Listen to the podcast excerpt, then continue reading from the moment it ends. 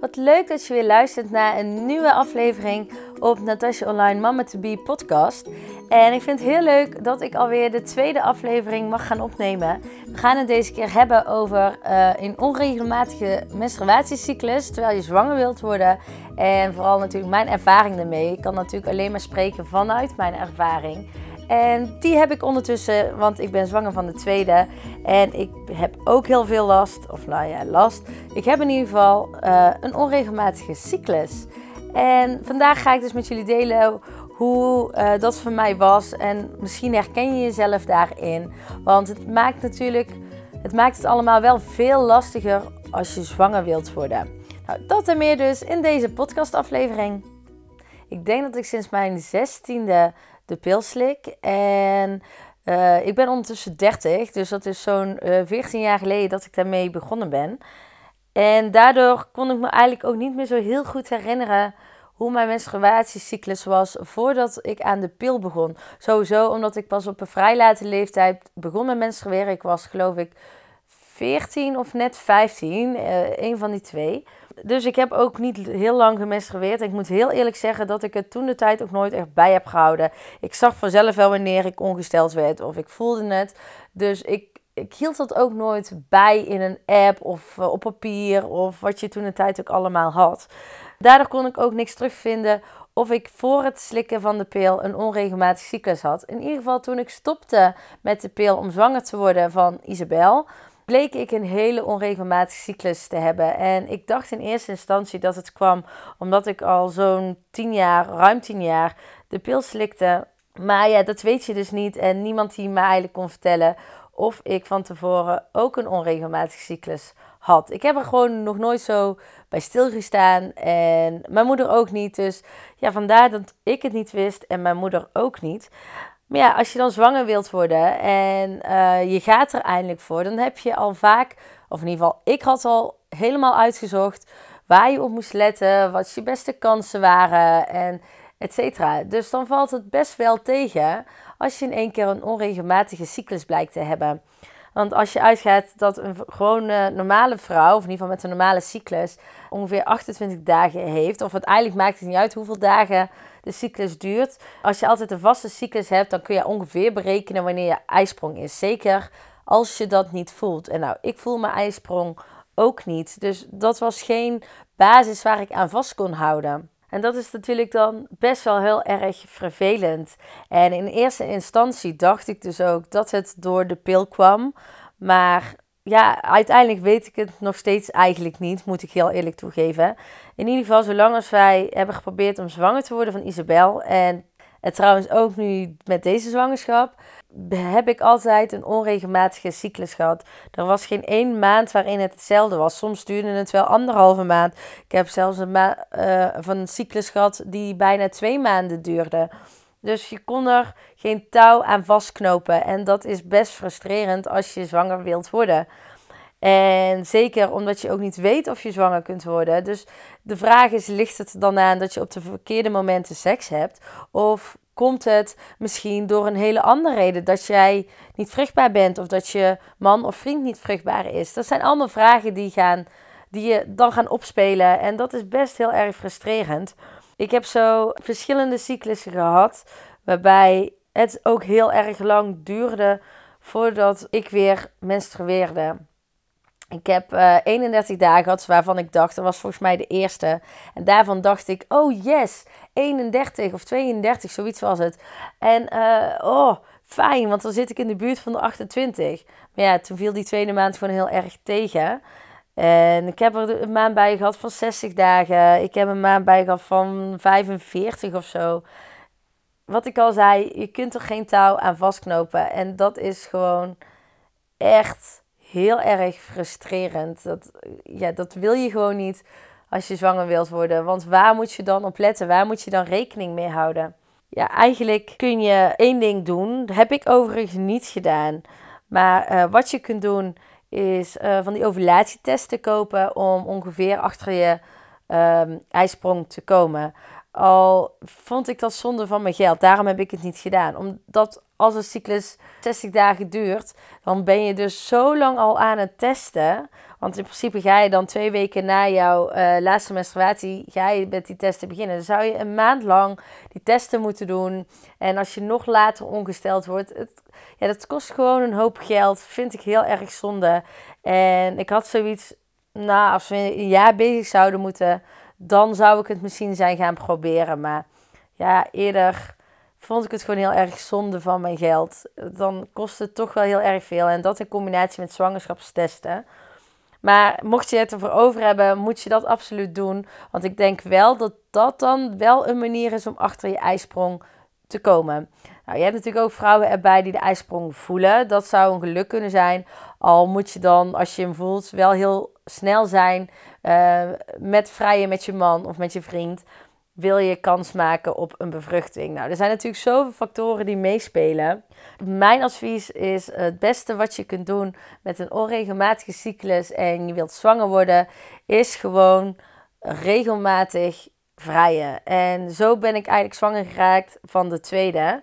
Want eigenlijk op het moment dat ik dacht: oké, deze maand gaan we er vol voor en we gaan regelmatig vrijen dat is eigenlijk ook de maand geweest waarin dit kindje verwekt is. En welke dag dat dan is geweest, dat weet ik dus niet, omdat ik geen ijsprong, uh, of niet weet wanneer mijn ijsprong was. Maar ik weet wel dat het voor mij, voor deze ronde in ieder geval, heel erg geholpen heeft. Bij mijn eerste dochter was het totaal anders. Ik werd bij mijn uh, eerste dochter namelijk zwanger toen ik er juist niet mee bezig ging. En ik vermoed dat ik daar een hele korte uh, cyclus zou hebben gehad als ik wel gewoon een normale cyclus had afgemaakt en niet zwanger zou zijn geworden. Um, ik vermoed dat ik eigenlijk vrij snel na uh, de menstruatie, in die, eigenlijk in die week erna, misschien zelfs een paar dagen erna, de ijsprong al gehad heb. En uh, dat denk ik omdat mijn uitgerekendatum zo was dat je het kon terugberekenen naar december. En dat kon absoluut niet, want ik had op 1 januari 2017 uh, ehm, mijn nieuwe cyclus van mijn menstruatie dus. Dus het kon gewoon niet terugberekend worden naar december. En daarom denk ik dat ik dus een vrij vroege ijsprong heb gehad in die ronde dat het raak was ja, dat is gewoon mijn ervaring. Je weet het niet. En daarom denk ik dat het met de tweede juist zo goed ging om regelmatig te vrijen. En wat is dan regelmatig? Ik denk dat regelmatig is als je om de twee à drie dagen gaat vrijen. Al heb ik ook de ervaring dat een moetje, je, je moet vrijen, ook niet leuk is. Maar aan de andere kant, als je per se kindjes wilt, dan moet je er misschien op die manier ook wel soms voor gaan. Maar ik denk vooral, ik raad het je niet aan. Dus doe vooral lekker waar je zin in hebt. Probeer gewoon regelmatig te vrijen. En komt er niet uit.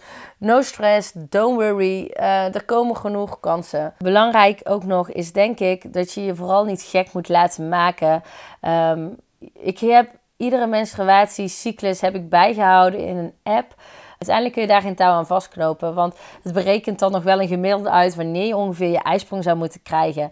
Maar als je zo onregelmatig bent, dan klopt dat gemiddelde gewoon niet. En ehm, laat je dan vooral ook niet gek maken door uh, zo'n app als leidraad te gebruiken. Ik persoonlijk vond het wel heel fijn om alles genoteerd te hebben, dat ik wel terug kon kijken hoe, wat, waar en wanneer. Maar probeer dan wel echt uit te zetten, of in ieder geval niet aan te trekken dat er staat: oh, nu zou je je ijsprong moeten krijgen of ijsprong moeten hebben, of nu zou je moeten menstrueren. Want dat is voor jou waarschijnlijk gewoon niet kloppend. Uh, die voorspelling kan gewoon niet als je altijd op andere uh, dagen ongesteld moet worden. Heb je dus een onregelmatige cyclus, zoals ik dat dan heb, uh, dan is natuurlijk de grote vraag ook wanneer ga je testen?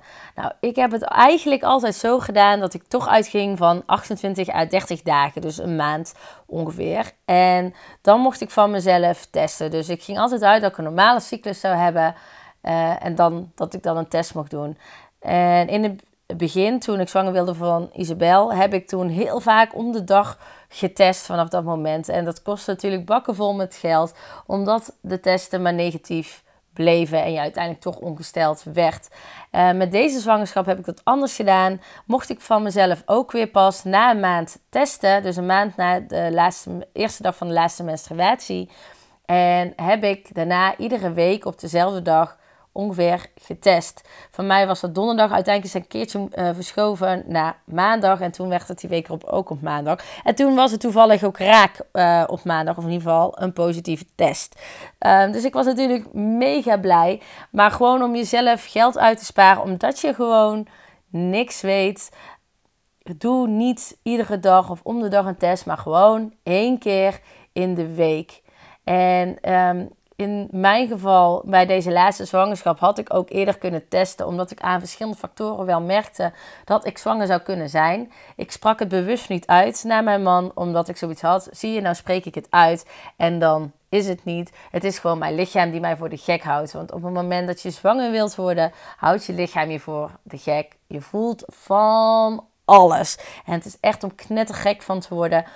Dus uh, vandaar dat ik dat ook niet verteld had. Ik heb dat pas later verteld van, oh, ik wist het, ik wist het. En dat was ook echt zo. Maar ik heb dat dus niet hardop durven uit te spreken. Omdat ik bang, was dat mijn lichaam mij gewoon weer voor de gek hield. Misschien ook wel leuk om te benoemen welke testen ik gedaan heb. Ik kocht eigenlijk altijd, zowel bij de zwangerschap van Isabel als bij deze zwangerschap, gewoon goedkope action testen. Ook niet de early's, gewoon de normale. Uh, ga ook echt niet te vroeg testen, want hoe vaak je daar wel niet door teleurgesteld wordt, eh, dat is ook gewoon weer zonde van je geld. Dus koop gewoon normaal van Action. In mijn geval werkte die beide keren prima. En ik vond het daarna bij beide zwangerschappen ook leuk om nog een Clear met uh, indicator te halen. Zodat je een beetje toch een richtlijn had van hoe lang je ongeveer zwanger zou moeten zijn volgens je HGC, HCG. Hoe heet dat hormoon? nou, in ieder geval door dat hormoon wat, uh, waar die testen op reageren.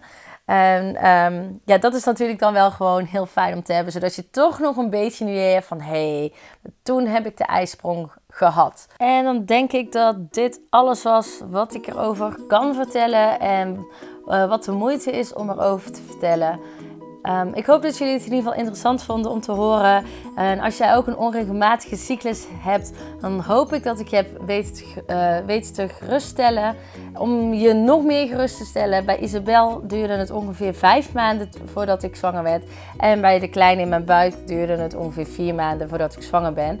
Dat is natuurlijk geen garantie voor jou, maar het geeft wel hoop dat een uh, onregelmatige menstruatiecyclus niet per se wil zeggen dat je echt er een jaar over gaat doen, zoals um, internet zeg maar beweert, waarin de meeste in de tijdspan wanneer de meeste vrouwen zwanger worden. Dus ja, ik hoop je een klein beetje hoop te hebben gegeven, maar ook wat insight en wat tips waar je iets aan hebt. En dat je gewoon vooral rustig aandoet. Vooral geniet van het samen zijn en het vrije met elkaar. En laat je vooral niet beheersen door het zwanger worden en door die onregelmatige cyclus. Daar schiet je helemaal niets mee op, word jij niet gelukkig van. En ik denk ook niet dat je vent daar heel gelukkig van wordt. Nou, meer heb ik eigenlijk niet te zeggen. Als je het leuk vindt om meer over mijn zwangerschap te weten, over uh, ouderschap en over alle andere dingen uh, voor uh, vrouwen die meer zijn dan alleen maar mama, kijk ook even op mijn blog www.natasjaonline.nl. En je kunt mij natuurlijk volgen op socials en op YouTube. daar ben ik namelijk ook gewoon te vinden, vandaar ook de naam Natasja Online. Goed, geef mij een hartje of geef deze eh, podcast een hartje als je op SoundCloud deze podcast beluistert. Uh, volg mij op waar je dit dan ook wil beluisteren, zodat je altijd meteen de nieuwste podcast te horen krijgt. En dan wil ik je weer hartelijk bedanken voor het luisteren en voor al jullie support. Uh, heel veel liefde voor jullie. En deel het op social en tag mij dan um, als je naar mijn podcast hebt geluisterd. Vind ik natuurlijk super leuk om te weten dat jij hebt geluisterd. Maar ik vind het ook super tof als je het wilt delen, zodat nog meer vrouwen um, kunnen meegenieten van deze podcast en er iets van kunnen leren. Of uh, weet ik veel, interessant vinden. Deel het, je helpt mij echt. Jullie zijn fantastisch. Ik hoop jullie de volgende keer weer te zien. Doei doei!